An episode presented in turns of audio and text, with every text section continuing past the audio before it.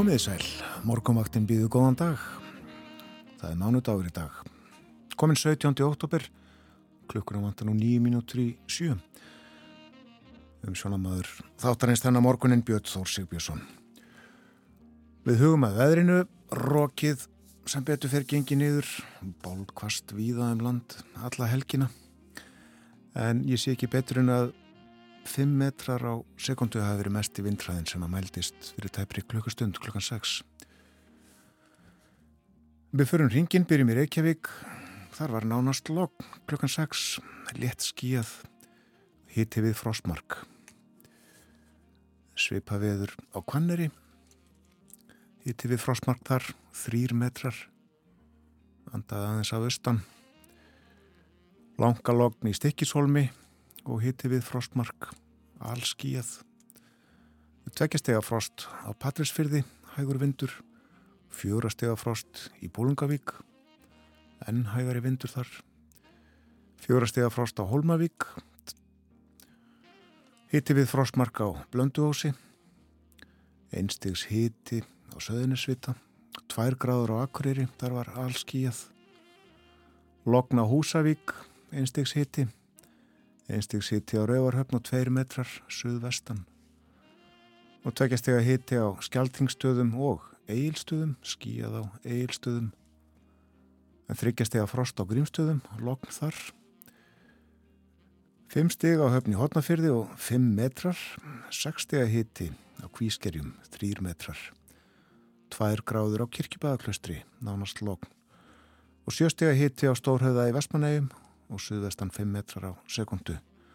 Tveggjastega hitti í Árnesi 2 metrar. Og uh, frost á Hálendinu 5 stega frost. Þar sem það var mest, það var í Veðivatnarhraunni, mest þar að segja þessum stöðum sem að byrtast á, á veður aðtuguna korti viðstofunar og til þess að gera hægur vindur á Hálendilansins. Í hugleðingum segir veðurfræðingur.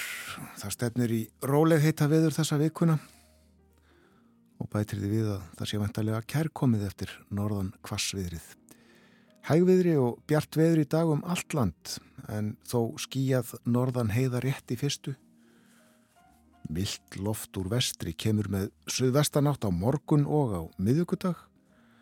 Skíjað verður vestalands þurft að kalla á þriðudag en smá skúrir á miðugudag og bjart veður fyrir austan báðadagana.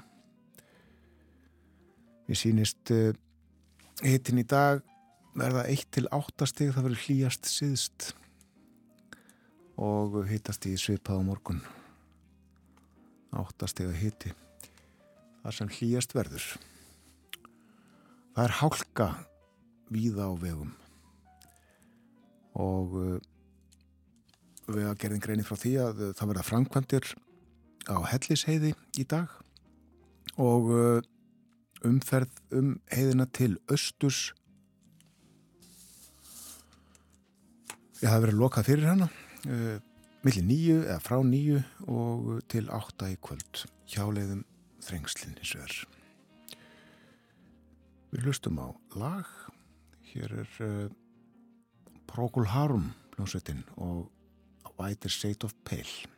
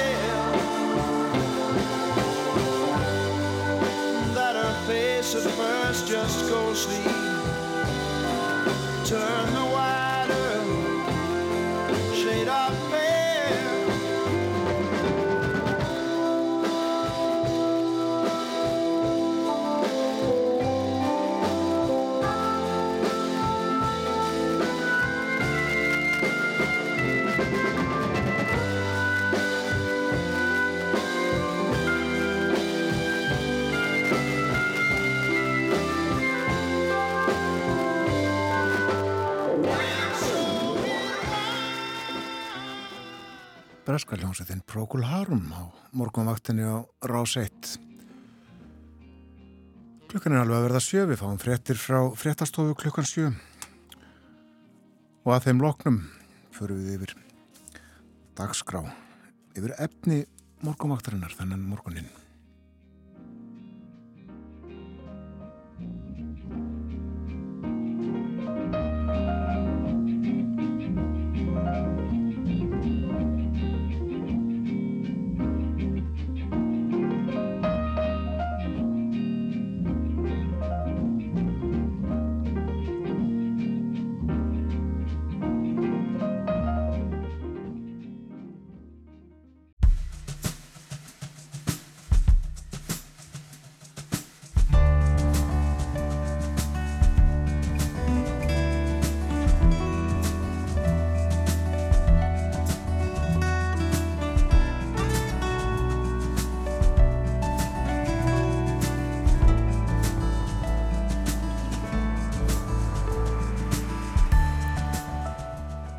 Morgunvaktin helsar og býðu góðan dag. Það er mánudagur 17. oktober.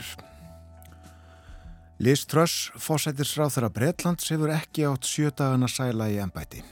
Seks vikur eru síðan hún tók við af Boris Johnson og stjórnmálaskýrendur, sumir í það minsta, segja stutt í að hún röklist frá. Í vonum að bæta stöðu sína rak hún fjármálaráþrann á föstu, föstudaginn. Við ræðum um ástand mála í Breitlandi og stöðu tröss klukkan halv åtta Til mín kemur Hjörtur Jóð Guðmundsson sem kemur annars slægið á morgunvaktina til að tala um bresk stjórnmál. Einhverji fengu land fyrir hjartað á dögunum þegar kvittur fór á kreik þess efnis að svistneski stórbankin Credit Suisse stæði völdum fótum. Bankin hefur verið til í 166 ár og stæðið af sér Ímis áföll en Ímislegt bendi til að ekki sé allt með feldu í starfseminni. Jafnbæðið milli debet og kredit kann að vera í lagi hjá Credit Suisse en siðferðið virðist í mínus. Áskei Brynja Torfarsson fjallar um Credit Suisse og ímislegt fleira í spjalli um efnaðasmál. Hann verður hér eftir morgun fréttir klukkan átta. Og milli hálf nýju og nýju verður fátækt á dagskrá. Fátækt er raunveruleg og hún er skelvileg. Margir, allt og margir, búa við fátækt í okkar ríka samfélagi.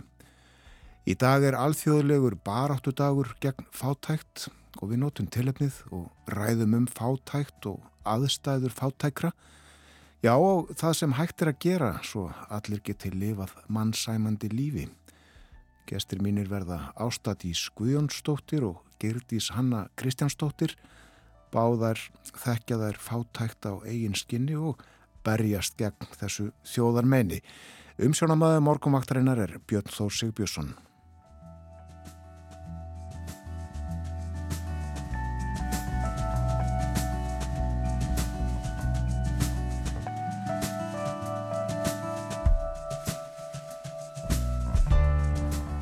Alveg reynd ljómandi veður á landinu þennan morgunin, hægur vindur víðaskvar og víðast svo litið svalt hittinn í kringum frostmarkið. Fjórastega frost líklega það sem kaldast var klukkan 6 í morgun. Fjórastega frost bæði í Holmavík og í Bólangavík en uh, 6 og 7 gráður það sem hlýjast var, 6 gráður á Kvískerjum, 7 stega hitti á Stórhauða En uh, horfurnar, það stefnir í rólegheita veður þessa vikuna, segir veðurfræðingur í hugleðingum. Hægviðri og bjart veður í dagum allt land, en uh, reyndar skíða norðan heiða rétt í fyrstu. Og hitin í stað í uh, dag 1-8 stig, hlýjast síðst og vindræði þetta 5-10 metrar á sekundu, eitthvað svo leiðis. Nú við hugum að ástandi mála á vegum landsins og nefnum fyrst sem við svoðum frá hér fyrir morgun að það verður lokað á hellisheiði til austus í dag, millir nýju og átta í kvöld, það eru framkvæmdir þar en hjálið verður um þrengsli, þetta fara þrengslin auðvitað.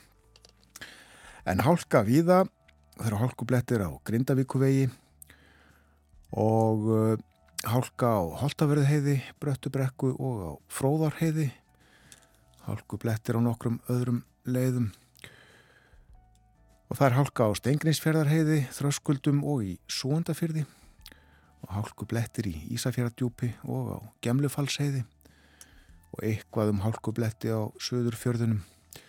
Snjóþekja á Drangsnesvegi ófært norður í Árnesrepp og það er hálka á Öksnadalsheiði, Krapi á Þerarfjalli og hálku blettir víða á vegum á Tröllaskaga.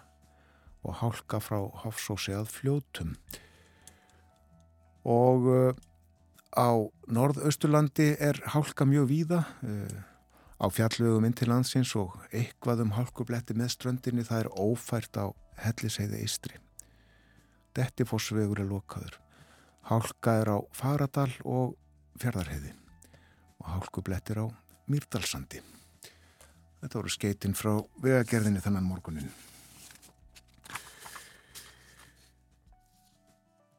En kolniða myrkur á landinu en uh, það breytist senn, byrting í Reykjavík rétt upp úr hálf átta og sólaruppbrás rétt undir hálf nýju, sólarlag klukkan sex sítegis og myrkur skellur á löst fyrir klukkan sjö. Og uh, það byrtir einnig á uh, söðákróki um hálf átta. Og sólinn kemur þar upp löst fyrir hálf nýju sólarlag þegar klukkunum vantar stundarfjörðung í sex og myrkur upp úr hálf sjö. Og það byrtir í Nesköpstað, eh, já bara núna.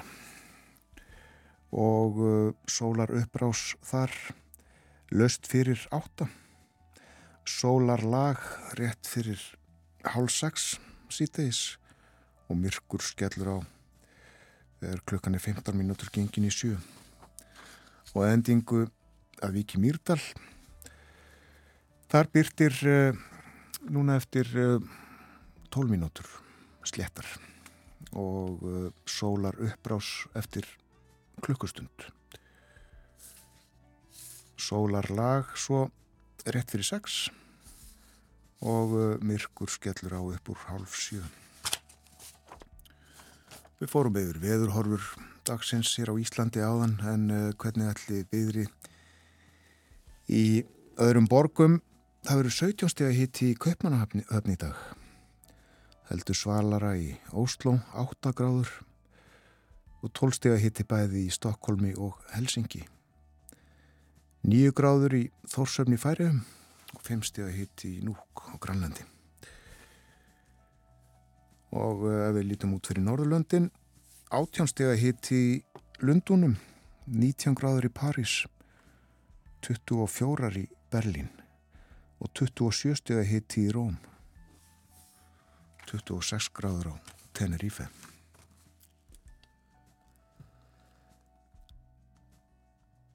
Nú uh, aðeins að þessari jærskjáltarhinu sem að sagt var frá í fréttunum hér áðan en uh, það hófst sem sagt uh, reyna upp úr hálf nýju í gerkvöldi 15 km norðaustur af eldægjabóða á Reykjanesrygg og mældust skjáltar þar 4,4 sá sterkasti.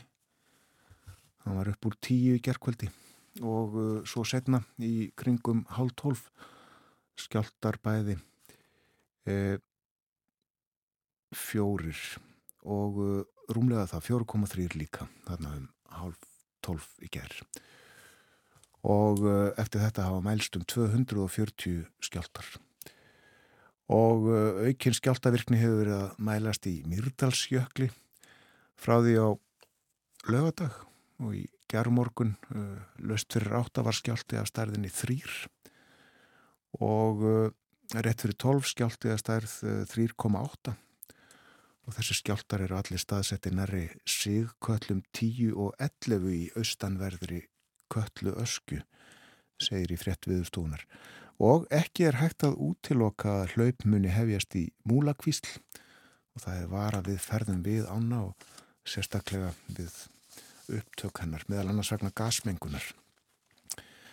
Og uh, svo er það hlaupið úr grímsvötnum en uh, reynsli í farvegi gíu kvíslar náði hámarki í gerðmorgun, varshæð við uh, brúna og þjóðvegi eitt fór lækandi frá háti í gerð og samhliða lækandi vassæð mingaði rafleðinni í ánni og magn hlaup vassins í ánni ferði mingandi ljósta hlaupið í rénun.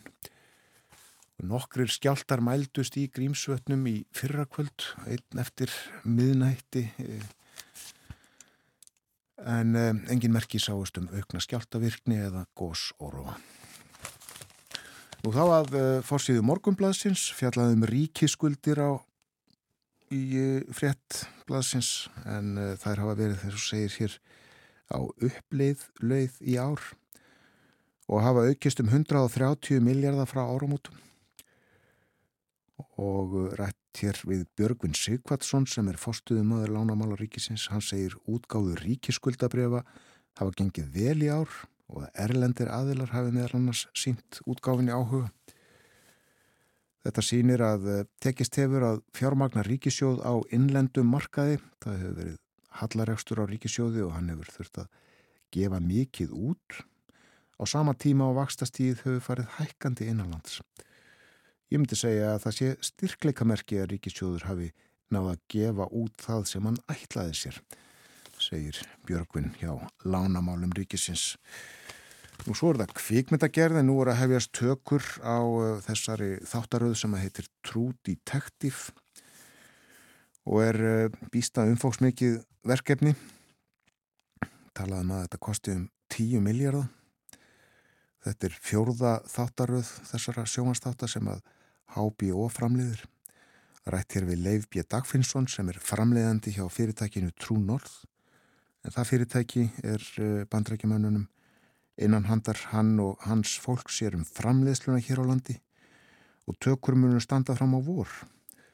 Og eins og áður saðum að búast við að heldakostnaður við verkefnið hér á landi verði um 10 miljardar.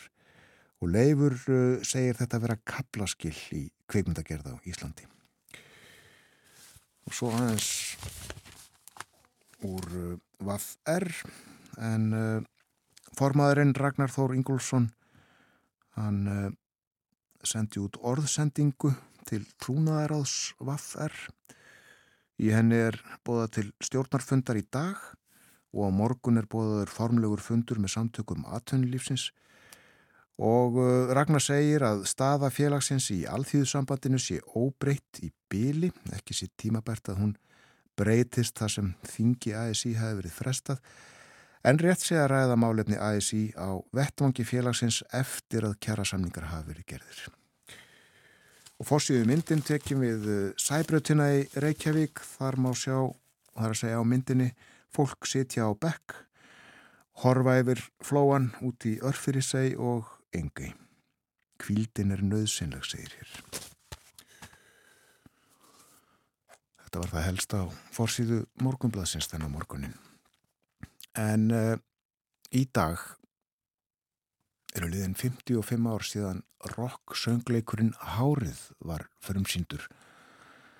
Það var sannsagt 17. oktober 1967 og enn öllum þessum árum og hárum síðar er Hárið talið með bestu rock söngleikum sögunar. Fyrst í stað var hárið sínt í litlu leikúsi neðarlega á Manhattan í New York en var svo fært upp í einu af stóru leikúsunum á Broadway. Hárið vakti mikla aðtikli og deilur á sínum tíma. Kjarnin er gaggrinni á Vietnamstríðið og í verkinu var nekt og ögrun og auðvitað hippar með sitt síða hár sem góðborgarar New York þóldu ekki. En hárið hefur nokkrum sinnum verið sett upp á Íslandi, fyrst 1971, leikfélag Kópavóks síndi í Glömbæ. Brynja Bendikt stóttir leikstýrði, Sigurður Rúnar Jónsson, Diti Fila var tónlistastjóri. Það er held ég alveg öruglega ekki til upptaka úr þeirri upphærslu. En árið 1994 var hárið aftur sett á svið og mögulega í middeltíðinni.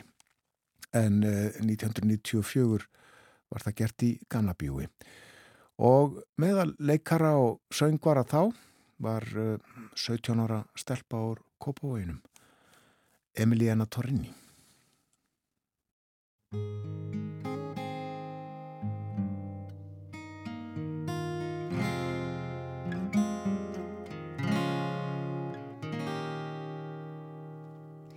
Fyrst þegar hitti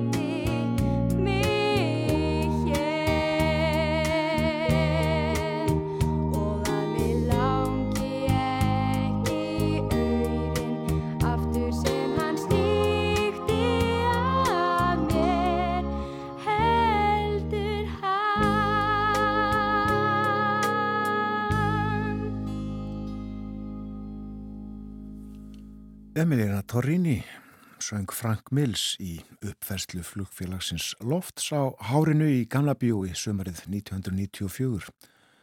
Baltasar Kormákur leikstyrði, Jón Ólafsson var tónlistastjóri.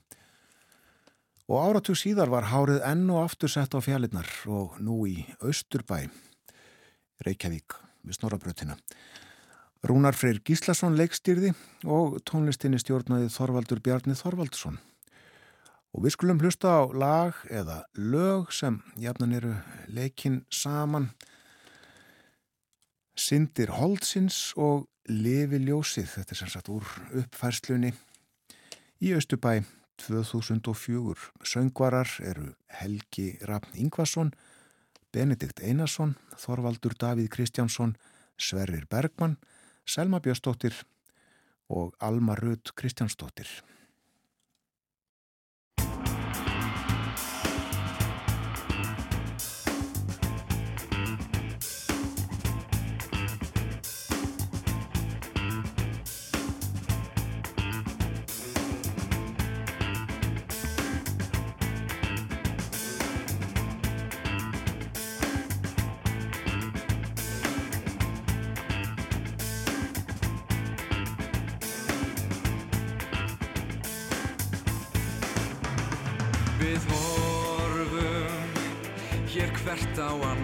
Annað þungus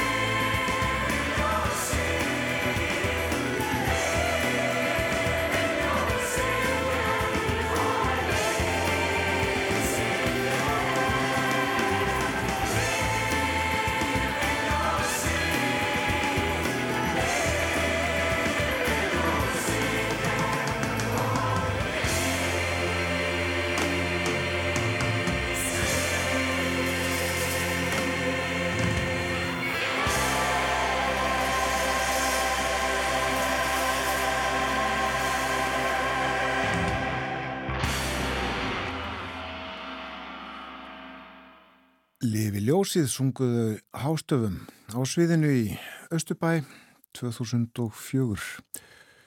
Þetta var úr hárinu, 55 ár liðin síðan að söngleikurinn var frumsýndur í New York. Höfundar Jerome Ragni og James Reito og höfundur tónlistar Galt Mack Dermott. Davíð Þór Jónsson íslenskaði verkið og söngtekstana.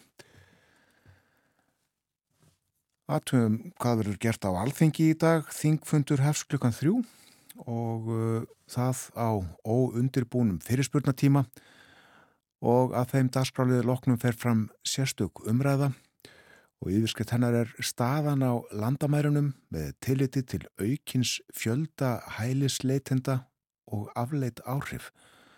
Málsæfjandi er Bergþór Ólason, þingmaður miðflokksins og til ansvara dónsmálar á þeirra Jón Gunnarsson. Má sem sagt búast við að uh, þessi umræða hefjist uh, þegar klukkuna vandar 15 mínútur í fjögur þarum bil.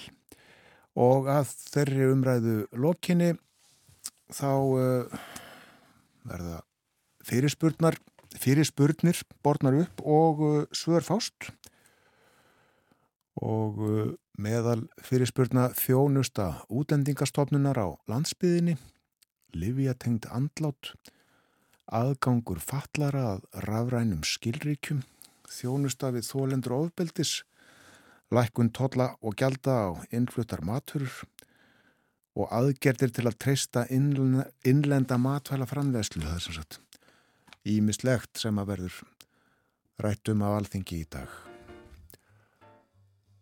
Það líður að frétta yfirleiti hjá okkur á morgunvaktinni og uh, eftir það þá ætlum við að fjalla um bresk stjórnmál. Hjörtur Jóð Guðmundsson er vantalegur í þáttinn.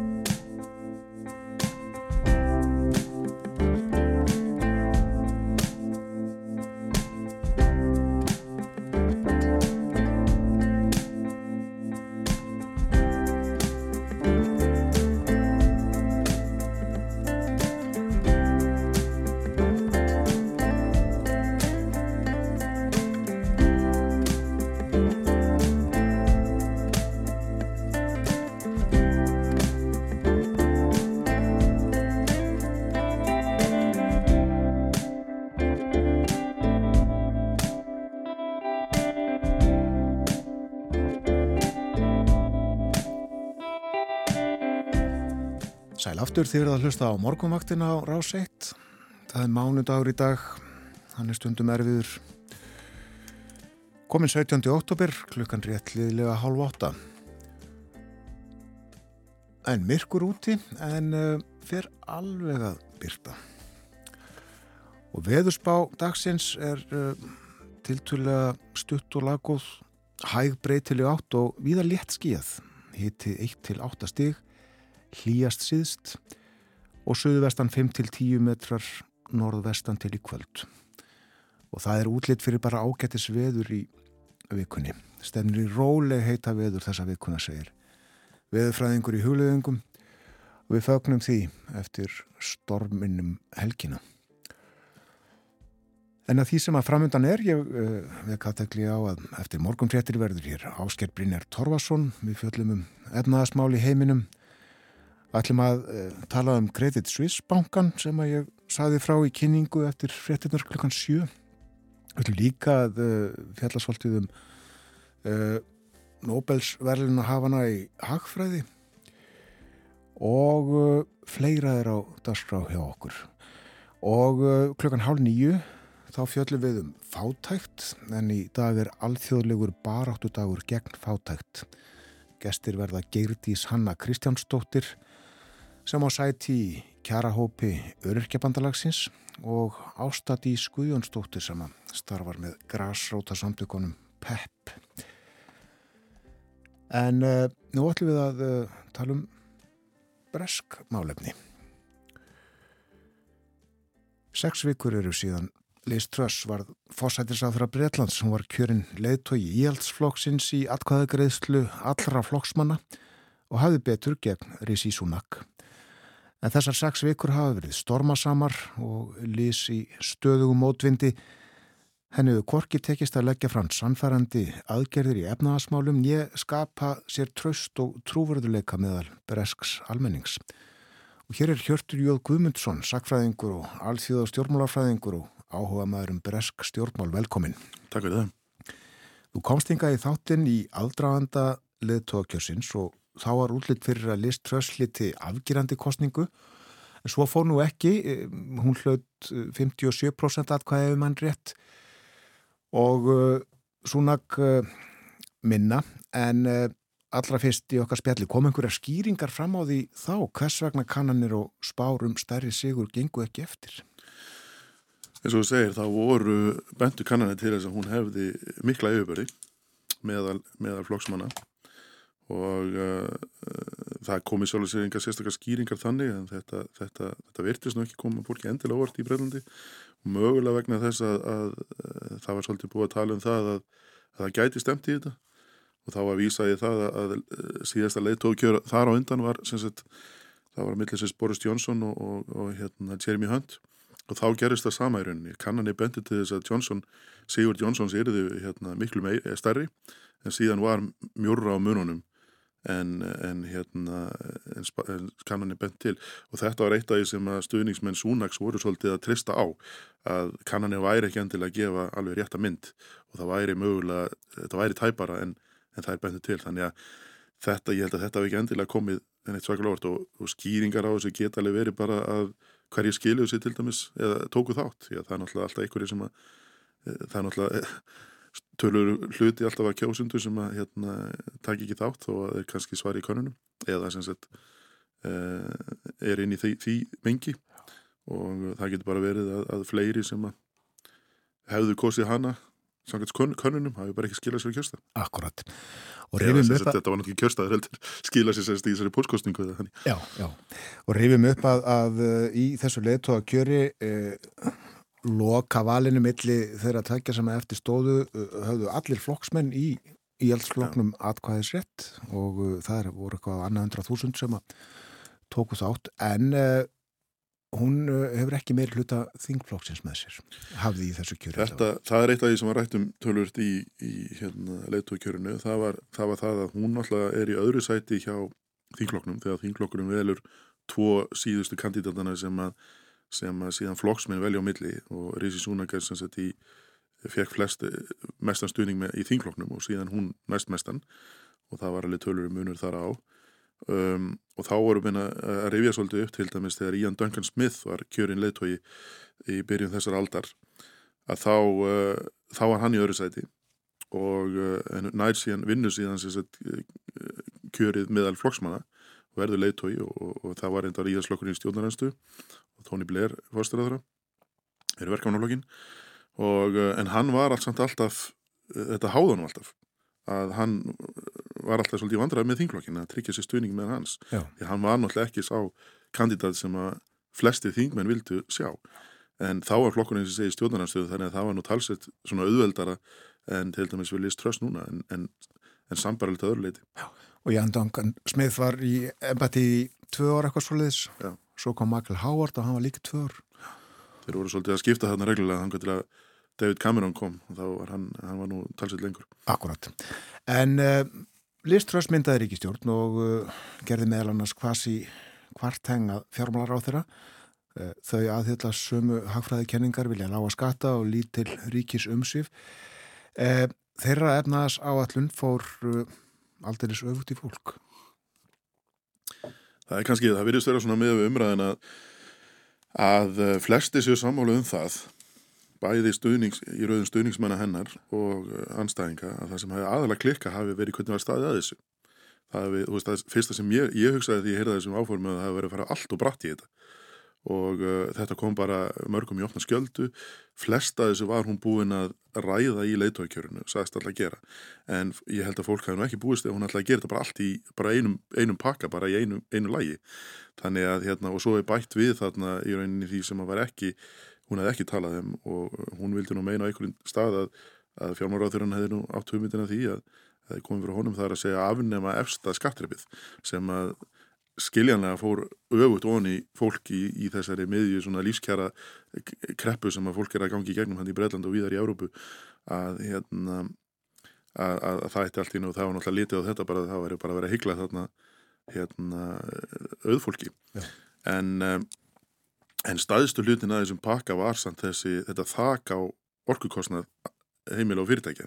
Það er langstaðstu hlutin að því sem að hérna, sérst peningalega að þessum aðgerðum og þar var hún náttúrulega hugmyndinu henni að komandi mótsvið fyrst og fremst heimilin í landinu. Og hefur kannski hugsað að fólk myndir nú kannski fókusera meira á það og, og ekki þá vera þegar það er miklu minni peningar í, í húi í hinnu, tilfellinu.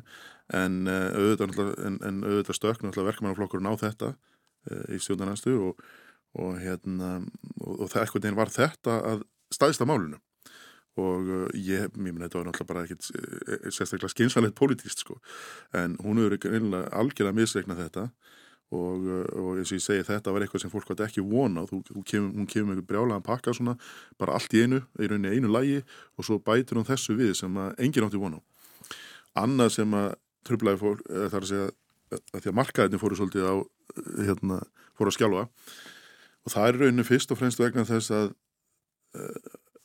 rauninni eitthvað sem að hafði komið upp í, í kostningabartum fyrir leitóikjöri það er að segja uh, það var alltaf að vera að herja á hana í kostningabartum hvernig alltaf að fjármagna þessar skattalækanir sem hún ætlar að fara út í og þetta, þetta þak á, á orku, orkukostnað.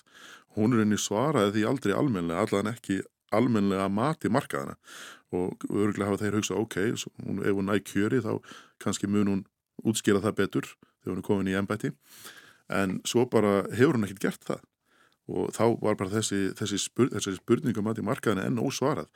Og það er kannski verið annað ef að Breska ríki var ekki búið að skuldsetja sín rosalega mikið eftir kórnuveru faraldurinn að, að fara að bæta þessu ofan og skuldsetja sín enn meira til að fjármagna skattalækkanir og þetta, þetta þak á orðhugkostnað það er kannski verið, þá mennum við kannski verið rólir yfir í ef, ef, ef að hérna, allar, þessi aðgerið vegna kórnufallin sem hefði ekki verið ekki nýja stanar og markaði er ekki einu sinni búið að vinda ofan af því að það er, eins, það er alltaf þannig að þú þenur út kannski stjórnsýsluna eða, og, og, og umfang ríkisins en það er alltaf miklu erfiðar að ná því saman aftur Það er þekkt saga. En áhrifin voru satt að virði hlutabrefa lækkaði, jafnvel snar lækkaði og mm. pundið vektist.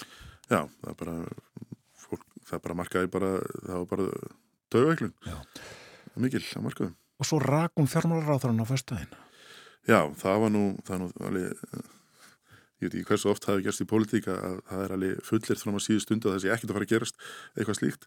Hann saði bara daginn áður að, að, að hann var í hverja á förum en síðan gerist það að, að þú veist og þetta er náttúrulega sko, þú segir að hann er í bandaríkjunum í ofnbyrjum erindikjunum og hann er bara kallaður heim. Það lág svona mikið á þessu. Það sýnir nú bara hvað, hver örvendingin er og auðvitað er þetta látið örvendinga fullt uh, útspilað að, eh, að láta hann fjúka. Þetta er, þau eru gamli vinir og, og miklir sam, búin að vera samherja lengi og, og hún er innu bara hendur á myndi strætisvagnin sko. og uh, auðvitað náttúrulega til þess og að bjarga sér reyna það og það sýnir bara hvað staðan er á henni veik. Og, og ennfremur það að hún sem skipa síðan Jeremy Hunt í staðin fyrir hann.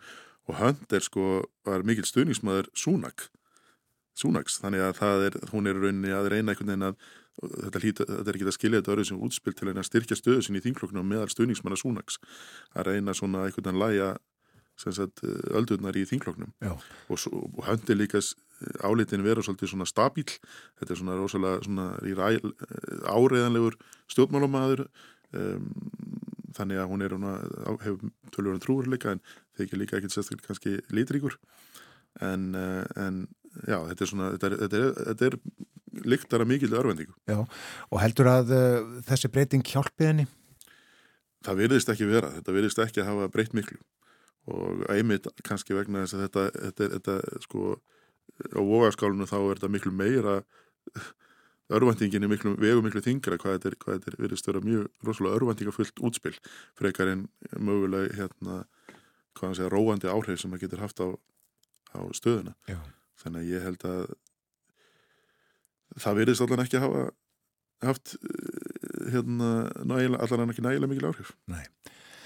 En uh, ráþradómi í Breitlandi fylgir ekki mikið starfsöryggi.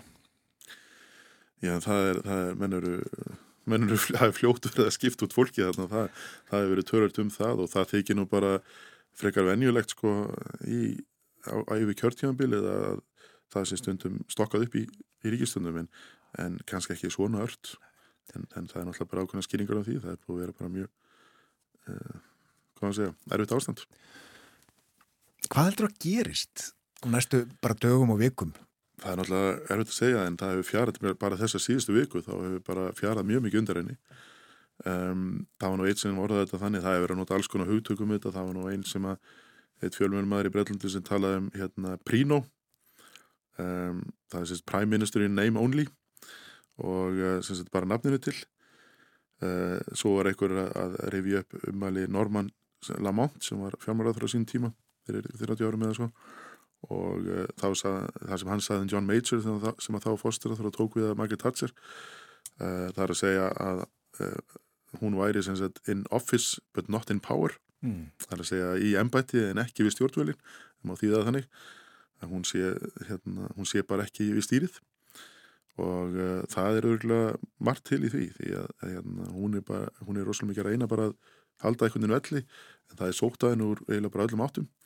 Um, það, er, það er strax farið að skilja brefum til 1922 nefndarinnar þar sem að uh, það þarf hvað 15% af þingloknum til þess að kalla fram nýtt leiðtókjör eins og það er ólíklegt að verða nýtt leiðtókjör nema reglum verið breytt því að það þurfa að líða 12 mánuðir frá síðasta leiðtókjöri og það er náttúrulega tildur í það staði sem getur verið hún hefði hugsað þetta þannig sko að fara strax í þetta að því að þá myndi kannski þinglokkurinn svona þjappa sér saman að því að það voru allir sammála um það að þetta leiðtókjör tók alltaf langan tíma og var mjög óheipilegt að það væri allt bara einhvern veginn að- í, í byðstuð á meðan það fór fram og, um, og þá myndi kannski þinglokkurinn hérna, vera líklega til að styðja hana í þessum aðgjörum en uh, í staðinn þá erum menn bara konir í þá stöðu og vilja bara verðist vera mjög margir bara að losna við hana og, uh, og það leið, leiðirna sem eru færar í þeim efnum er náttúrulega fyrst og fremst svo að fyrst að það er ekki hægt að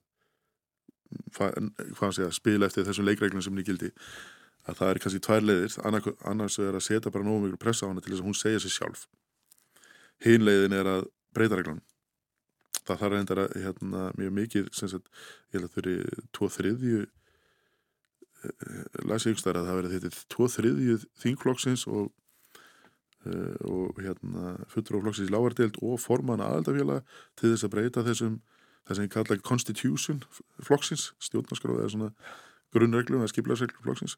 Og þetta er hérna þá er reyndar að vera að reyna það er reyndar að vera að vísa þar í sko að ef það var að sleppa því að láta að breyta því að, því, að flokksmenn komið að þessu. Því að það er svolítið búið að ræða um það að ef það á að breyta reglunum þá þurfi að breyta þeim þannig að það sé gerir þetta mjög hratt þannig að þau eru ekki að fara í eitthvað tveikja mánuða ferlið þar sem að flokksmenn komið að þessu. Einmitt. og hugmyndir hafa komið fram með það að- reglunum er breytt þannig mögulega að, að flokksmenn fói einhverjum koma málum þegar flokkurinn er í stjórnarnæstu Já. þá skipta einhverjum máli þó að taki tvo mánuði eða eitthvað svoleiðis en það er svolítið annað þegar flokkurinn er í stjórn. En uh, sko aðeins meira um uh, Liz Truss, hún var auðvitað þekkt stærði breskri pólitík, var ráð þeirra í ríkistjórn Johnsons uh, og hún sagði sjálf uh, þegar hún tók við embættinu að þetta hefði verið afskaplega langt atvinnuviðtal sem hún fór í gegnum Já. þar sem hún gerði grein fyrir sjálfur sér og Já. sínum áherslum og stefnumálum og hvernig hún ætlaði að takast á við breskan efnaðasvanda. Já. Hvað gerðist? Breyttist hún eða vor- voru vandamálin stærri heldur en að hún gerði sér grein fyrir? það, það sko ég meina eins og þú segir, hún er, hún er þekkt í stjórnmálum, hún hefur verið lengi í þeim hún er hérna bæði ráþeira hún er búin að vera gegna ímsum ráþeira embættum á undanfinn árum bæði á hérna til dæmis Theresa May og Johnson og, og uh, þannig að það er og eins og við rættum hérna á sín tíma að ég meina hún er bara þekkt frjálsíkjumanniska hún var ekkert að fara neitt leint með sínar skoðanir að hún aðheldist skattalækkanir og, og, og dragur umsumins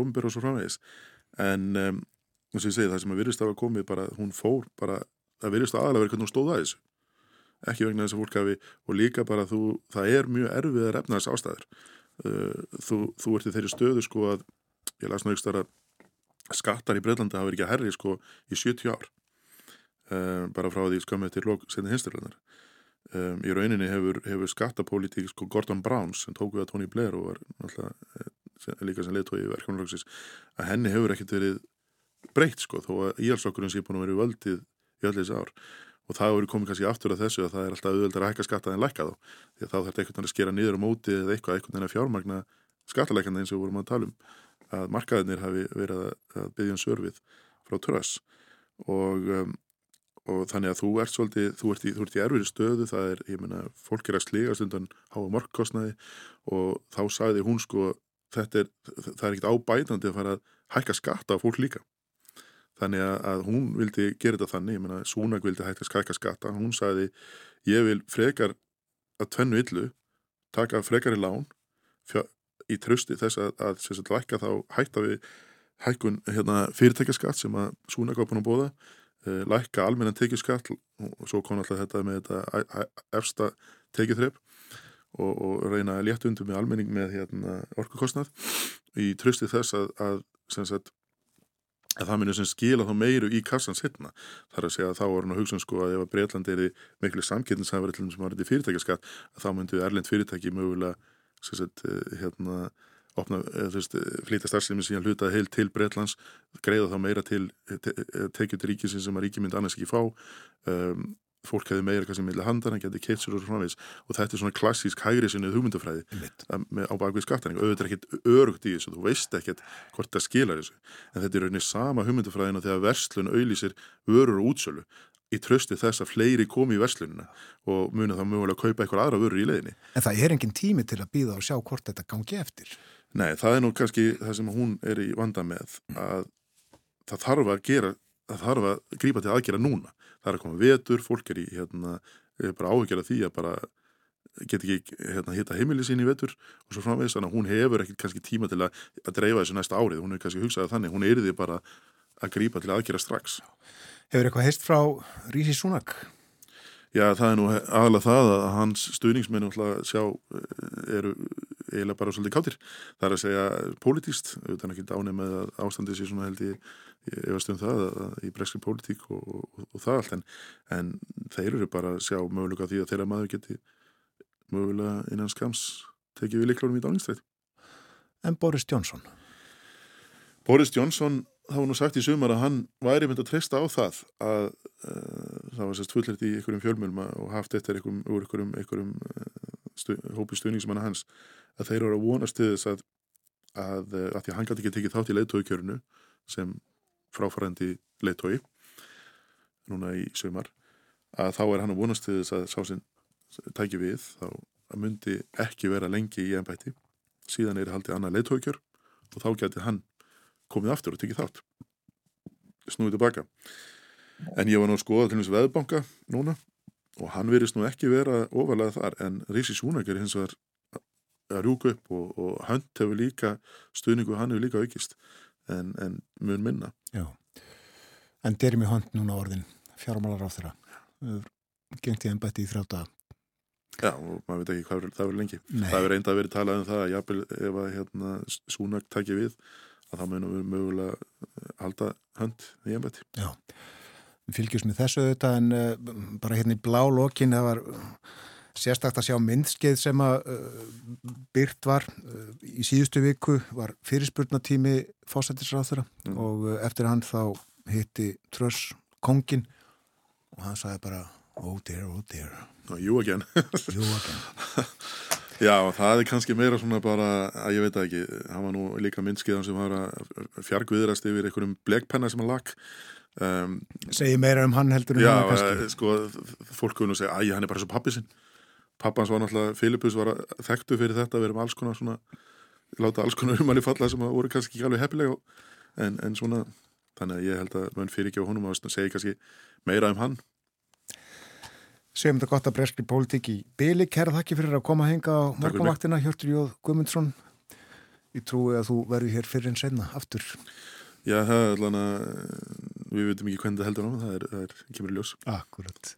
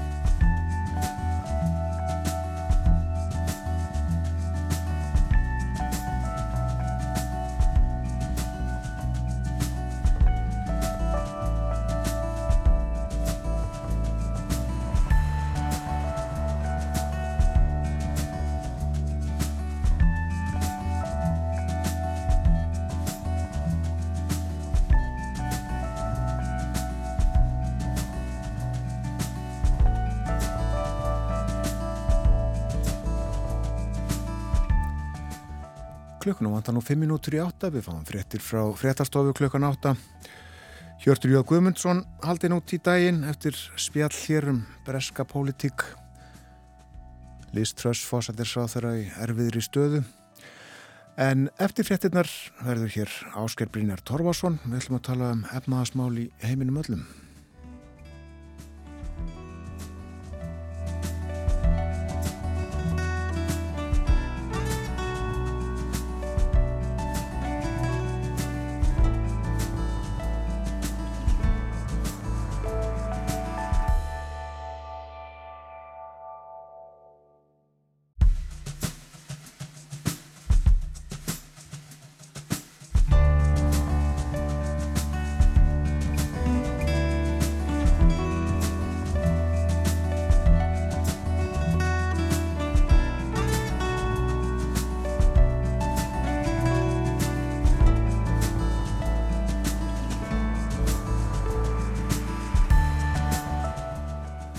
Aftur þegar það hlusta á morgunvaktina á Rás 1, það er mánudagur klukkan farin að ganga nýju.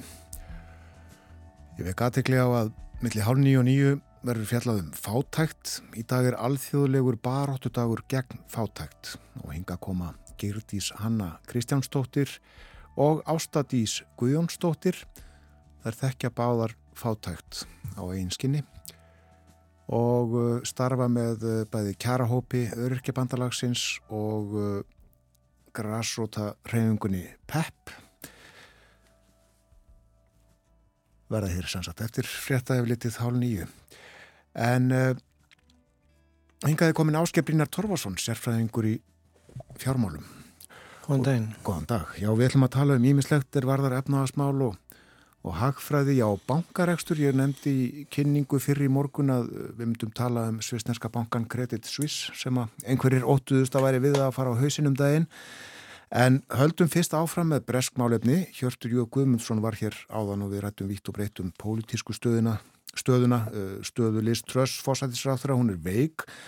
Truss rak fjármálaráþrann sinn á förstu dag og skipaði nýjan Ásker, eh, telur þú líklegt að, að þessi fjármálar á þeirra skipti hafi jákvæð áhrif á markaðina sem að svo eru nefndir og, og skipta svo miklu máli? Já, það er eiginlega ennþá hangir í loftinu, það var tilkynnt núna bara fyrir klukkutíma, þeir þið bladamannafundu klukkan 11 hjá hönd nýja fjármálaráþuranum þar sem að hann er að flýta e, skattabreitingunum e, til þess að reyna að róa markaðina. Þeir reyndar pundi styrtist eftir að, fjármálaráþuraskiptin voru, voru tilkynnt á föstudaginn.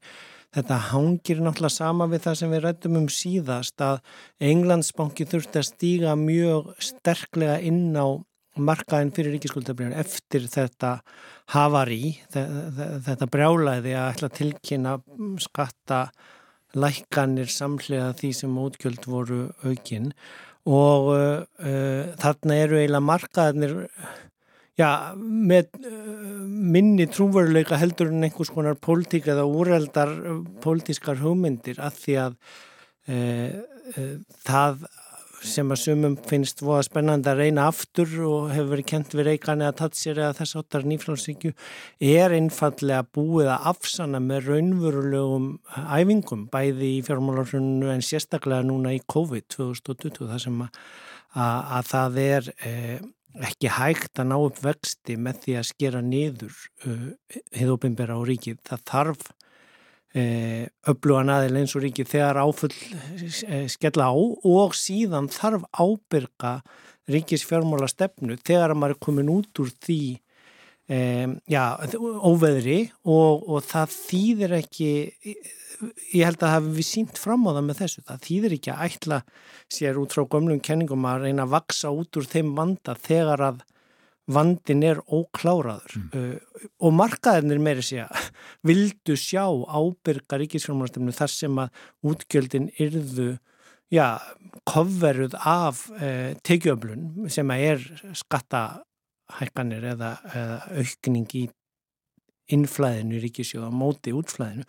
Um, við sjáum síðan núna að ég held að, að, að hluti af ástæðinu fyrir það var það skipt út fjármúlar það var eins einlega til að skapa trúverðuleika nýju að, að fá trúverðuleika markaðana uh, og þeirra sem eru að fjármagna ríkisjóðuna með þessum uh, skuldabrjáköpum og, og það er í raun og veru það sem þessi skipti snúast um. Og ég þekki náttúrulega ekki pólitísku legin á því en, en það er svona núna, já, það sem verður að sjást í dag og hvernig viðbröðum verða. Stundum eru markaði náttúrulega að breyðast of um, hvað sé að stressaðir við en, en þá stýgur einhver öflugur aðeins eins og Selabankin inn á til að róa en það var þetta tveggja vikna tímabils englandsbanka sem var átt að klárast á, á förstu daginn. Sjáum hvernig dyrum í hönd farnast í ennbætti en uh, Í síðustu viku, er eh, ekki rétt hjá mér, þá voru ársfundir Alþjóðabankans og Alþjóða Gjaldurísjóðsins í Washington. Jú, þeir, þeir byrjuði á miðgundaginn og það var endar, þeir eru svona farinir að dreifa þeins út gognunum, það voru byrjaðar að koma kaplar úr skíslunum uh, nokkur um fyrr og, og þetta, þá eru haldni fundir og það var nú meðal annars á einum af svona fundunum fyrir uh, ásfundin sem að, að það var eh, Englandsbankastjórin sem að hann sagði að þau myndu stöðva sínar aðgerður og yngripp á förstæðin eins og áhla var. Markaðinir hoppuðu svolítið þá og, og það þurfti að láta legg út úr, úr bankanum að, að það er nú kannski framlengt þannig að það er nú held ég það sem að menn er að sjá núna hvort að það þurfi í dag eða ekki en, en, en við opnunaræðuna sem Kristalina Georgiova held á miðugudagina þá var nú ansi áhugavert svo við heldum áfram að tengja við Breitlanda að, að þá spurði bresku blagamæðurana e, út frá því sem er svona skilabóð bankans, að, nei skilabóð um, sjóðsins að það verði núna að sína ábyrð í ríkisfjármánunum að því að við erum að koma út úr COVID-inu og við erum að koma inn í mjög svona erfitt verðbólkutímabil og þá spurði blagamæðurinn frá London beint út bara er, er það sem er verið að gera í London er það dæmum um að ábyrga stjórnun efnarsmála og hún snýri sér nú ágætlega út úr því hún Kristlína og sagði að þá skipti styrklegi stopnana mjög miklu máli. Og þar var hún náttúrulega bæði að vísa til þess að Englandsbanki steig inn og, og stutti við markaðinn þannig að þegar hann fór úr böndunum. En ég held hún hafi einnig verið að vísa til þess að í þessu uppaflega mín í fjármála frumvarfi eh, tröss og, og hvað sík hvarteng þá var ekki leitað áleits fjármálaráðsins í Breitlandi eh, OBR og, og núna á að koma í lokmánaðarins eh, þeirra efnaðspá og álit á þessum aðgerðum til þess að fá í raun og veru hlutlegt mats óháðrar stopnunar á hinnu pólitíska um, verki ríkistjónarinnar. Þannig, þannig að þetta er svona já, samspil á milli stopnana, pólitíkurinnar og síðan markaðana. Og Kristelina er, eh, já, eh, forstjóri Alþjóða Gjaldri sjóðsins, hún er frá Búlgaríu, uh, lærði hagfræði í Harvard Business School. En uh, fleira sem kom fram á þessu fundum? Já, það er svo sem um, bara í raun og veru staðfesting á þeir gefa út efnahagshorfur fyrir heiminn eins og við höfum rætt hér áður, það er, er, lítur ekki vel út, það er verið áætla núna tæp, ja, rúmlega 2,5% hávöxt í heiminum í heild og að það sé jafnvel fjörðungslíkur á að það verði mun minna og jafnvel 10% hætt á að verði að reynilega kreppa í heiminum. En, en, en þetta er nú bara svona talnæfingar þannig að, uh, að, að maður getur sagt uh, það er, það, það er dögt og það er samdráttur og það er eiginlega í fyrsta sinn núna sem að að því þú vorst að fara að tala um fátakt og eftir það sem fátakt í heiminum er að, að líklegast að aukast en ekki minka og það er náttúrulega að því að í þessu verðbólgu ástandi og efnastrengingum þá eru það fátækustu löndin og, og fátækasti hlutin í hverju efnagskerfi sem verður hvað harðast fyrir sandrættinum. Og uh, þessa fundi í Washington uh, satt uh, kvasi fjármálar á þeirra Bretlands, uh, Liz Truss fórsættisráð þeirra kallaðan heim til þess að rekan. Já, Nobelsverlunin í Hagfræði voru uh, veitt eða tilkynnt um verluna hafana á dögunum. fyrir viku já og þetta er alltaf í oktober svona ein verðlaun á dag vikun og undan og, og síðan kemur Nobelsverlunin í eh, friðaverlun Nobels koma á föstudeginum og síðan alltaf á mánudeginum eftir þessa Nobelsviku er, er eh, tilkynnt um hver fái það sem er kallast undir Nobelsverlunin í hagfræðin það eru í raun og veru verðlaun sænska Sælabankans Riksbank til minningar um uh, Alfred Nobel en, en þau eru síðan öll veitt 10.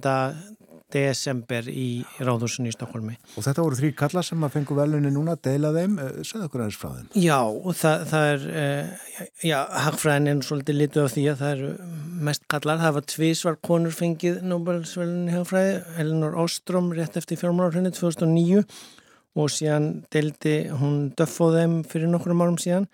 En, en þetta eru, þetta eru uh, mjög mikið Karl hagfræði professorar. Þeir eru náttúrulega í miklu meiri hluta í hagfræðadeildunum um allan heim. Ég var út í kaupmannöfnum daginn þegar þú syngdir í mig og þá var verið að skiptum deildaforst í hagfræðadeildinni þar og hann sagði í blaðvittali að það væri ekki nóg gott að það væri fleiri professorar í hagfræði í kaupmannöfnum háskóla sem heita Henrik heldur en hvern kynsprofessorar. Ég veit ekki alveg hvort það er upp í Háskóla Íslands þannig að það séu álíka margi sem heita Gilvi eins og eru konur en, en látum það leggja á milli hluta.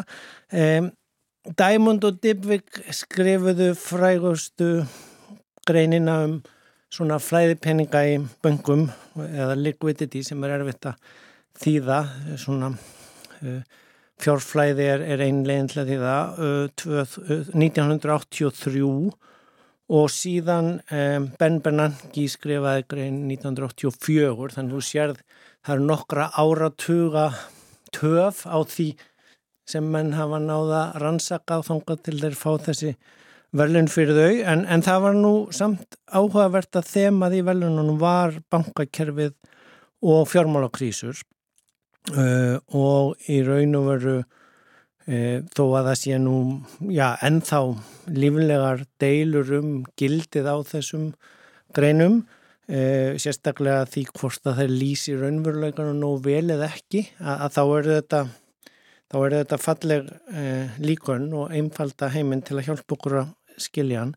Og, og það snýst um þeir sem að muna frá 2008 og banka raununum þá að það, þetta snýst um líkan í hjá Diamond og Debig að sína fram á það að áhlaup á banka getur fælt á í raunum veru óháði hversu sterkir þeir eru. Já.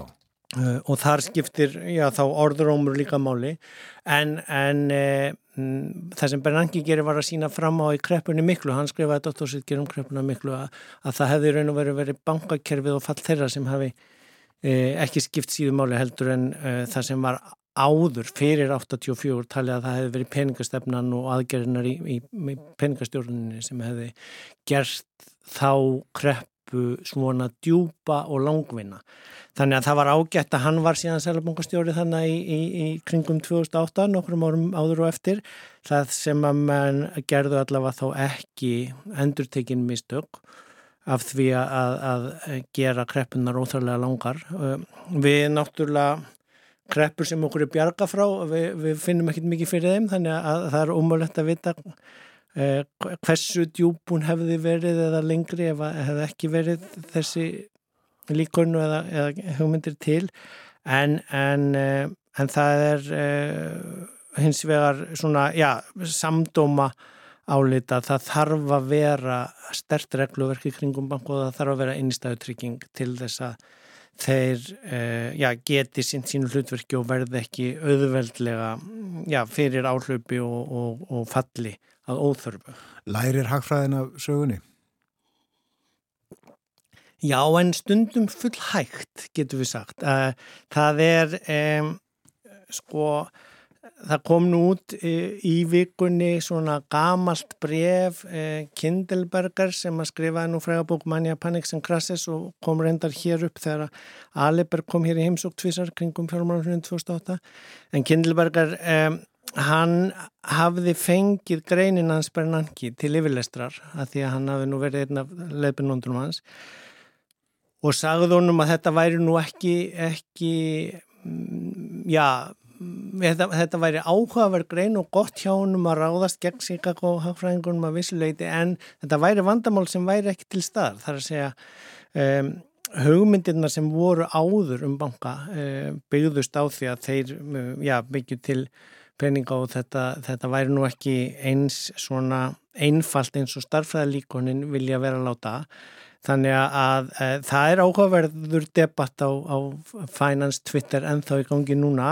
En, en, en það sem við getum sagt sem svo uh, sum grunn vandamálin eru áallt til staðar og, og, og freysnin kemur alltaf upp að nýju. Uh, þannig að að það er held ég enginn sem lýsir yfir eins og reyndar eitt frægur hagfrængu gerði 2004-05 að við hefðum nú leist öll vandamál með fjármál og krísur eh, en það var hleið að honum þreymur árum síðar. Já, og hér í lokin í dag í spjallið okkar var Credit Suisse næstuðið farin á hausin? Já, hann var næstuðið farin á hausin, kannski skuldatryngar álega raugu upp uh, Ég var nú að rifja upp, það var nú skuldatryngar álega á Íslandsko banku sem raugu upp í april 2008 þeir fóru á hausin halv voru setna. Ég ætla alls ekki að um, segja að þetta sé neitt sambarilegt en, en hins vegar er rétt að muna að sko, hann er stopnaði bankin til þess að fjármagna uppbyggingu lestarkerfisins í Sviðs. Já, 1856. Og hann er á listanum yfir e, það sem heitir GESIF eða sagt, alþjóðlega kerfislega mikilvægur banki. Þannig að eitt af því sem henn lærðu og það var nú held ég Bernanki sem var spurður að því eftir hann fyrir velunin hvort það hefði verið mistök að láta Lehmann falla hefði átt að bergunum eh, en ég held að það hann, þegar að þú ert með bankins og kreditsvið sem er alþjóðlegur og svo stór að þá verði hann nú ekki látin falla. Ef maður vil vera nördast og, og pæli í þessu núna þá sér maður að Sveisneski Sælabankin er að draga ansi mikið á gjaldmiðlaskiptasamningana sem eru búin að vera til staðar síðan 2013 og var reyndar komið á eftir fjármjörnurhunni þar sé að helstu Sælabankar heims eru með gjaldmiðlaskiptasamninga sín á milli til þess í raun og veru að mynda svona óformlegan Sælabanka heimsins sem að sá bandaríski trónin nú svona toppinum.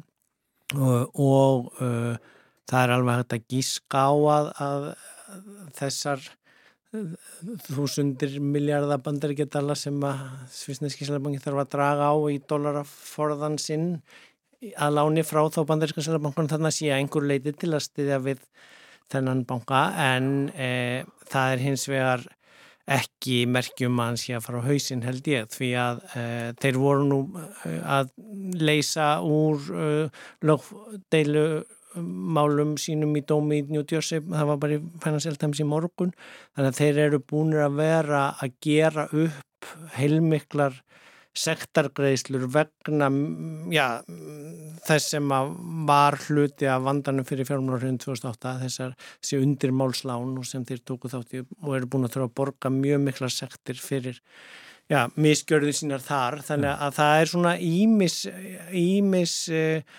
vandamál sem er búið að vera að vinda ofan af uh, en þarna var uh, orðrómur sem fór á kreik og með Twitter um að þeir væru veikarstattir en, en, en sást.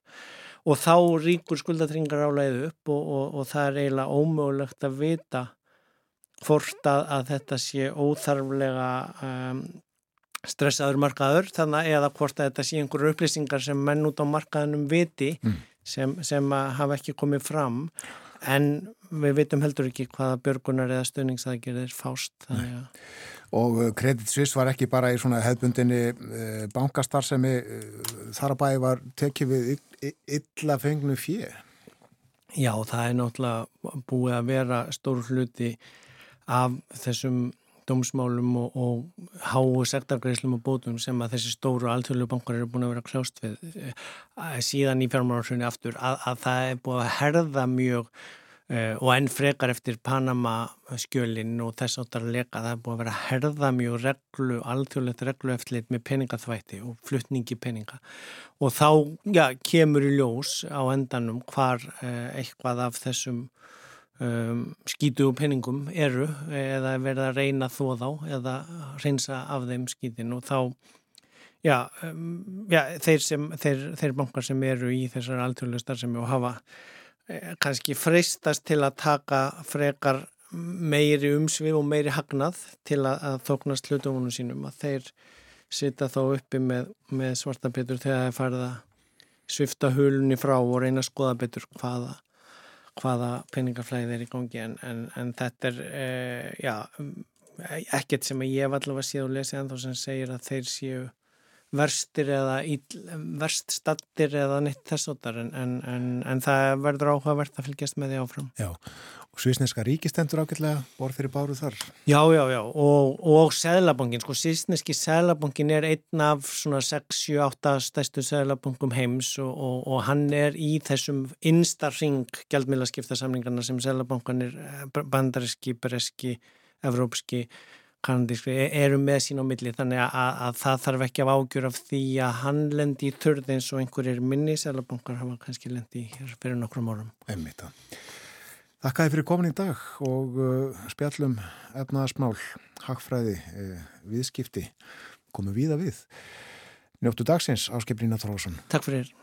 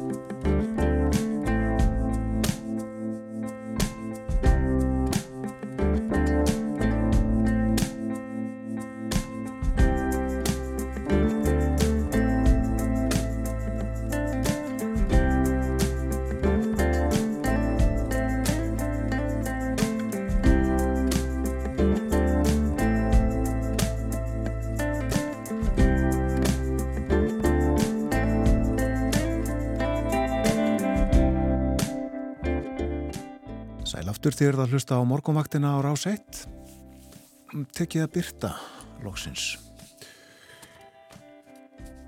Og klukkan réttliðlega hálf nýju.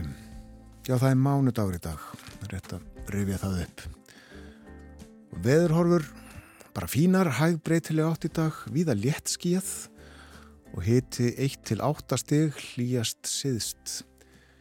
Og suðvestan 5 til 10 metrar, norðvestan til í kvöld.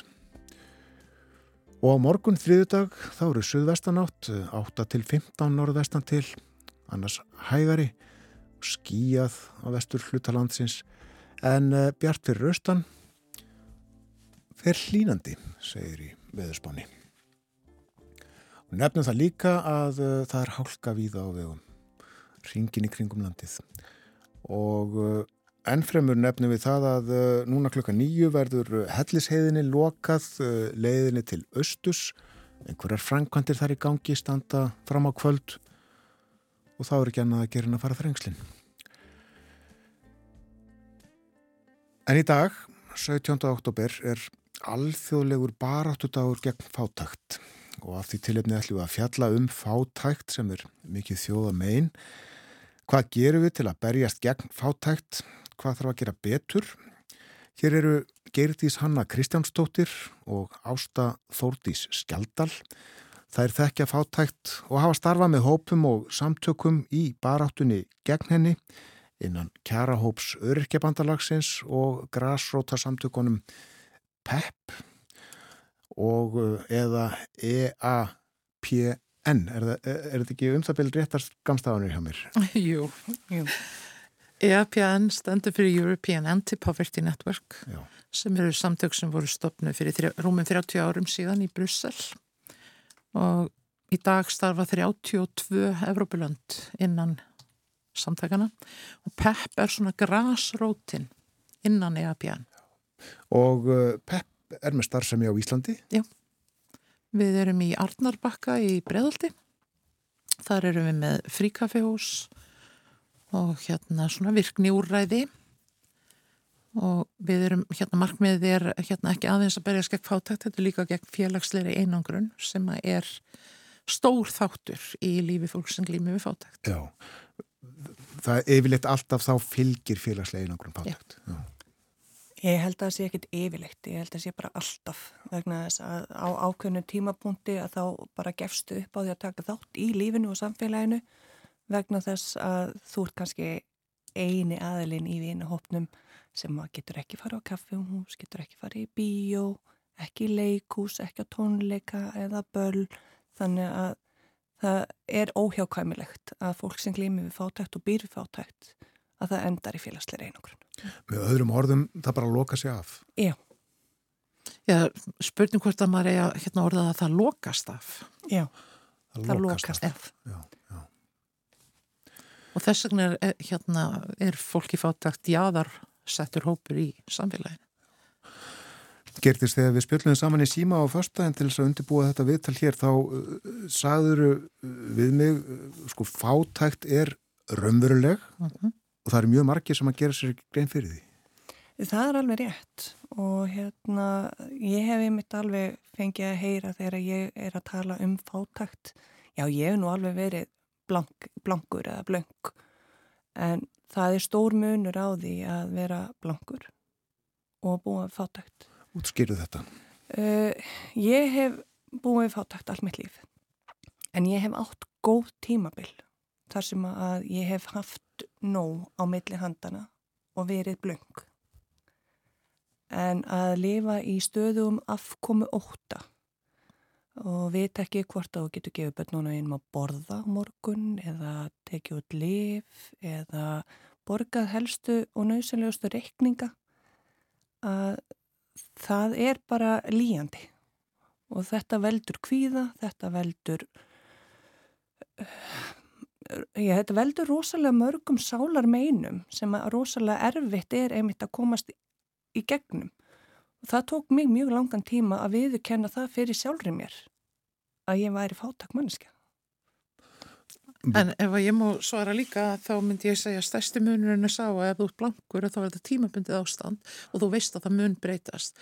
Ég meina námsmenn hérna glíma oft við, við að vera segja, mjög hérna glíma við skort en, en þeir vita það að um leiður eru konir í vinnu að þá batnar ástandið. En ef þú byrð við fátækt að þá er það bara þitt daglega líf og þú sérð ekkert ljósanda við hotnið eða, eða hefur eitthvað til þess að hlakka til og þar að auki að þá mæturu hérna fordómum samfélagsins, eigin fordómum og fordómum samfélagsins og það er litið niður á fólk sem er í fátækt.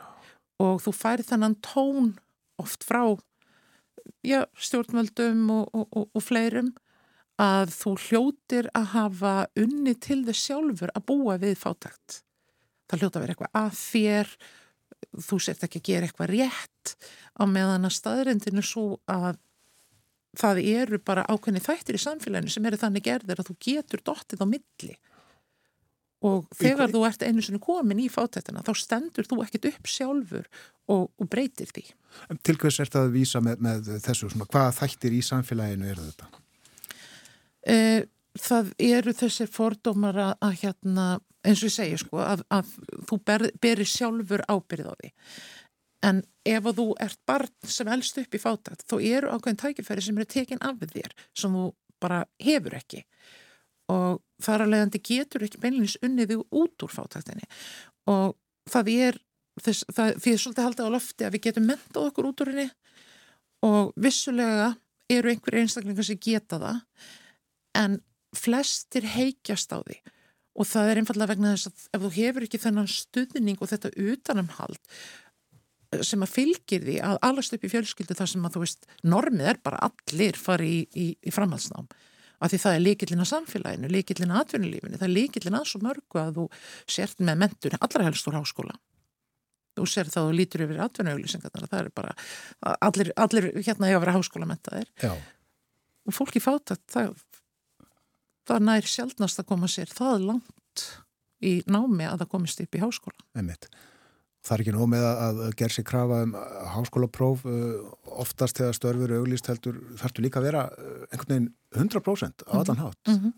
Já, já, það eru gerða rosalega stórar kröfur á fólk á vinnumarkaði og ég sem öryrki og með skerta starfsketu ég, ég er í námi til við kendisbókara og hérna ég er búinn á seinasta ári að sækja um tæplega 40 störf, hlutastörf en þar sem mjög skortir reynslu að þá er mér ekki gefið tækifæri. Ég meina ég er með skertastarketu en hausin á mér að hann virkar mjög vel sem að er ástæðan fyrir því að ég er í dag var að forma kjærhóps örkjapandalagsins og að gera fullt sem að einmitt, heldur mér gangandi heldur mér í félagsleiri virkni og, og gefur mér já, tilgang til þess bara reynilega að vera með og vera til í samfélaginu Hvernig átt að fá reynslu? ja, það er nefnilega málið. Hvernig færður reynslu ef enginn gefur tækifæri? Ég meina, ég hefði aldrei lerta að hérna hreinsa fisk ef ég hefði ekki fengið tækifæri til þess að vinna á fristuhúsi. Ég hefði aldrei vita hvernig ég ætti að meðhandla börnum ef ég hefði ekki verið fengið til þess að passa þau á sínum tíma. Það, þetta er, já, reynslan nefnilega að mér finnst hún oft hérna mér finnst hún stundum ofmetin vegna þess að ég segi fyrir mitt liti að það sem mig skortir í reynslu að það bæti ég upp með gífulegu vilja til þess að gera vel í starfi til þess að sinna vel því sem ég tek mér fyrir hendur og því sem ég er treyst fyrir og kannski annars konar reynslu bara líka mm -hmm. sem geti gagnast. En já, þeir þeir að segja að stjórnendur í fyrirtækjum þeir verða bara að gjöra svo vel að, að ráða fólk þó að það hafi ekki reynslu og hjálpa því að öðlast hana. Algjörlega og einmitt líka að það sem að, hérna, við höfum verið að ræða svolítið einmitt í hérna, öryrkibandaleginu að það er að það vantar hlutastörf fyrir fólk með skerta starfsketu. Það er ótrúlega mikið af fólki á örkulífiri sem að vill vinna en hlutastörfin eru ekki búði fyrir utan það að kerfið að það hegnur þér fyrir það að reyna að bjarga þér. Það eru endalösa skerðingar innan kerfisins og hérna og svo færðu einmitt bara bakreikning og, og ég minna ég fór út á vinnumarkaðin 2019 og var í hlutastarfi í rétt rúmlega ár og ég er enn að greiða fyrir það. Þú saðir áðan Gerdís að uh, þú hefði lifað alla þeina æfi við fátækt. Segðu okkur aðeins frá svona þínum aðstæðum og hugum. Eh, Ég er næst yngst á sex sískinum og þegar ég er á fjórða ári að þá missum við hérna pappa minn í, af slísverum og móður mín stóð uppi einn með sex börn. Og hérna og hún er önnur kynsluð sem helst upp í fátækt. Og hérna og þetta var bara mjög erfitt ástand. Uh, ég fekk kannski nýfött einu snu tvisar ári. Annars var þetta að ég gekk í fötum af eldri systrum mínum eða fekk hérna gefins fött utan úr bæ. Ég held að ég hafi verið orðin hvað 12 óra þegar ég eignaðist hérna reyðhjól í fyrsta skipti og þá var það eitthvað eldgamalt sem að reyndar hérna af rekjaskap að það var því stólið af mér og, og ég fann það aldrei aftur. Og hérna íþróttir var eitthvað sem var ekki hægt að stunda. En þess að það bara var ekki peningur til fyrir því fyrir utan það að hérna ég ólst upp í litlu bæjarfélagi og það var ekki mikið um fjölbreytni innan íþróta samfélagsins þannig að þetta var bara já, þetta var mjög erfitt og ég hérna átti erfitt félagslega. Ég átti erfitt með að kynnast mínum jafnaldrum og ég hérna kunni ekki eðlileg mannleg samskipti. Og hérna átti þar leðandi mjög fáa vini varð fyrir miklu aðkasti þannig að hérna ég á ekki rosalega margar góðar og ljúmar benskuminningar úr uppbyldinu mínu En fólk var ekki mikið að fagna fjölbreytileikanum á þeim árunum. En nei, og hérna ég var það sem að myndi kallast í dag svolítið svona fríspiritt. Ég fór svolítið mínar eigin leiðir og hérna, Og svo, svo fullarnastu. já, og hérna um tíma þá var ég bara mjög hægt komin með það að reynlega velja ranga mig í lífinu. Ég fór út í neyslu, ég fó- fór að drekka mjög mikið og hérna sem að var mín leið til þess að takast á við áföll úr æskunni komast svolítið út úr skelinni og þóra að vera ég en hérna sem betur fyrr að þá hérna gefst ég ekkert upp fyrir henni fulla nefn og ekki einsni þá og hérna tókst nú einhvern veginn ég veit ekki ennþá hvernig en mér tókst að klóra mig gegnum þetta og hef síðan hérna leita mér fullt að hjálpar á alls konar stöðum og, og hér er ég í dag. Og ef við má grípa boltan þarna, að þá nefndi Gertis einmitt eitt atriði þarna. Nú er ég búin að vera að vinna sem sagt í, fyrir þessi samtök síðan 2000, já, sent árun 2011 kom ég inn. Og eitt af því sem að ég hef tekið eftir með alla þá sem koma úr fátæk sem að hérna ég hef verið að vinna með, þegar öll áföll á bakinu tráma úr barnæsku sem ekki hefur verið unnið úr. Þannig að ég er farin að setja svolítið samasemmerki á milli þess að ef að það er ekki unnið með börnum úr þeim áföllum sem þeir verða fyrir á æfinni að þá held ég að sé mun meiri líkur en alla á því að þessir einstaklingar endi sem fátætt fólk á sínum fullorins árum. Hefur þetta lagast haldið þið? Ég held ekki. Nei, ég er ansið hrættum ekki. og það, það var talað um það fyrir stuttu síðan að hérna það væri 618 börn á bygglistum hjá hérna eftir sálfræðþjónustu og ég fekk þegar ég las þetta las þessa frétt og fekk ég bara ákvæðan stingi hjarta því að ég hugsaði með mér mín börn er ekki á þessum lista. Mín börn eru börnin sem að, sem að hérna vegna fátæktar, vegna skammar vegna fordóma eru ekki að óska eftir því og foreldrarnir eru heldur ekki að óska eftir því að koma börnunum á þennan lista. Þannig að það eru börnin sem ég hef áhyggjur af. Þannig að það eru miklu fleiri börn heldur nýra á listanum sem að þurfa aðstóð greiningu eða hvaða nú er. Ég er alveg samfarið það. vegna þess að hérna ég veit til dæmis í mínu tilfelli að sem fóreldri að þá í raun og veru innan gæsalappa smitaði ég börnin mín af því hvernig ég tókst á við lífið vegna þeirra áfalla sem að ég vart fyrir. Að hérna þetta, þetta er svo ofbáslega meðvirt ástand.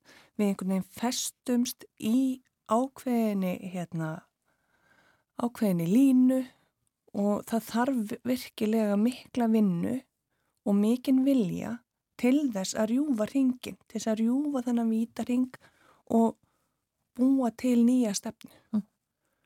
Þú talar um smitt. Já, vegna þess að hérna, já, eins og til dæmis í mínu tilfelli, ég er alveg upp í alkoholisma.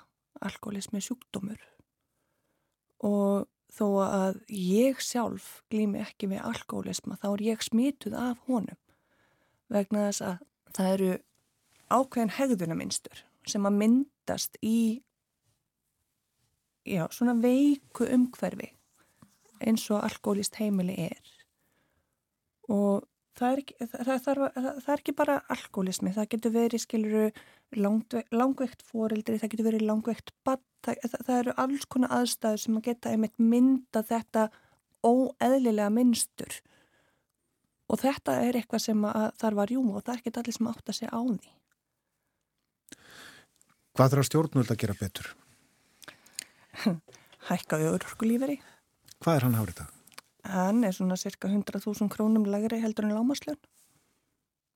Og það er bara staðreind að það er ákveðnir hópar sem að hérna eru á öruskulífiri sem að bara eiga engan möguleika á viðunandi lífi. Ég menna ef þú ert alltaf í stöðu um ákomóta og þú veist ekki hvernig þú ætti að fara að, þetta hefur áhrif á þig. Þannig að þetta er vítarhingu líka, þú getur ekki haldið heilsu við þessar aðstæður og svo bætist, bætist það ofan á það að ef þú ert öryrkið þá ertu annarkvort langveikur eða hérna fallaður á eitthvað nátt. Þannig að þetta verður svona að einhvers konar ómöguleika, líf þitt verður að ómöguleika. Það er ekki hægt að orða á neitt annan hátt. Og stæsti hópurinn sem að, hérna, við verðum vörfið í okkar starfi, að það eru einstæði fóreldrar á örkulífiri. Og það er mjög stór hópur og það er hópur sem bara á engan séns á að ná endum saman nema kannski hérna, þeir sem eiga húsnæði og hafa átt að eitthvað tíma þannig að þeir eru með viðræðanlegar afborganir en sá hópur er ekki stór það er ekki háprósenda af þessum hópi Viti þið að liggja fyrir einhverjar ofnbæra tölur um hver margir búa við fátækt í samfélaginu? Það hérna er bara því miður þannig að við erum alltaf svolítið eftir á með allar tölulegar upplýsingar. Þannig að nýjustu tölur eru frá því 2018, það eru talað um 9% eða 31.400 einstaklinga. En það er líka talað um hérna annað í þessum gögnum sem koma frá 2018, þá er verið að tala um að 1,50 af leyendum sé, sé búið við fátækt og ég hugsa að sútala hefði hækkað ansi mikið á þessum fjórum árum sem liðin eru síðan að þessi gögg komið fram. Mm. Hvað ætliði gerði sanna á ástæðþórtís að gera í dag til efni af alveg þjóðlegum baráttuti gegn fátækt? Annað en að koma hinga. Við ætlum að hérna rölda umsetna í dag og, og hérna hitta fólk og sjá hvort einhverju vil ekki þykja af okkur hérna kort með svona slagorðum í okkar baróttu. Við hérna erum búin að setja kortin inn á síðun okkar, pep-síðuna inn, inn á Facebook og hvetja þá sem að fara þar inn að, að hérna velja sér eitt, eitt kort og deila áfram, velja það kort sem að höfðar mest til þeirra og, og deila áfram. En hérna, við vonum bara við hittum sem flesta og getum gefið þeim kort í dag og úrskaðum til hamingi með daginn. Aðeins er í lokin meira um, um uh, kaffjúsi sem að Pep starfakir eða kemur að í uh. Segðu, segðu okkur á því sem að þar fer fram. Við tókum við húsnaðinu sem að hérna Æslandbúðin Veslunin var í, í hérna Arnabakkanum og, og erum að leia það það húsnaði fyrir yfir. Nú við hérna opnum þar 4. júli og fríkaffjós við erum opið frá 11 til 3 á, á daginn og það þýðir, þýðir hérna í rauninni bara við erum að reyna að spórna gegn matasóun með því að reyna að fá gefins bakkelsu og svona frá bakarjum og, og þess aftar. Gengur það vel? Það gengur þokkalega Það má, en hérna við sagt bjóðum upp á hérna brauð, smurt brauð og, og hérna meðlæti með kaffi og, og te og, og það er alveg frítt fyrir þá sem til okkar koma. Kemur Og- margt fólk? uh, já, það hérna kemur margt fólk því að hérna við vorum áður í mjóttinni, þar vorum við með fyrir árið 2021 yfir 9000 manns, yfir 9000 heimsóknir sko, yfir, yfir árið. Og 2021 hérna, við þurftum að loka smá hluta af áruna því það var ennþá COVID þá, þannig að það er ekki fullt ár, þannig að það var yfir 9000 manns, þannig að hérna við sem sagt, skráum, eða sem sagt, erum með dagbók, fólk getur skrifað í dagbókina, það er bara til þess að telja, hafa tölu á því hvaða koma margir, en nú erum við nálagt grunnskóla. Og það hérna, þá, þá breytist allt í henni hjá okkur, núna koma krakkarnir við hjá okkur á leiðinu heim úr skólanum. Og það var hérna smá svona augrun að, að hérna þegar, það kom Já, fyrstu dagarnir að við vorum eiginlega bara í hálgjörði áfalli. Við öllum, feng- öllum þessum barnaskara sem allt í henni streymdi til okkar. Við höfum verið að fá svona frá 50 upp í 120 börn á dag sem að koma og fá sér hérna bröðsneið á leiðinni heim á skólanum.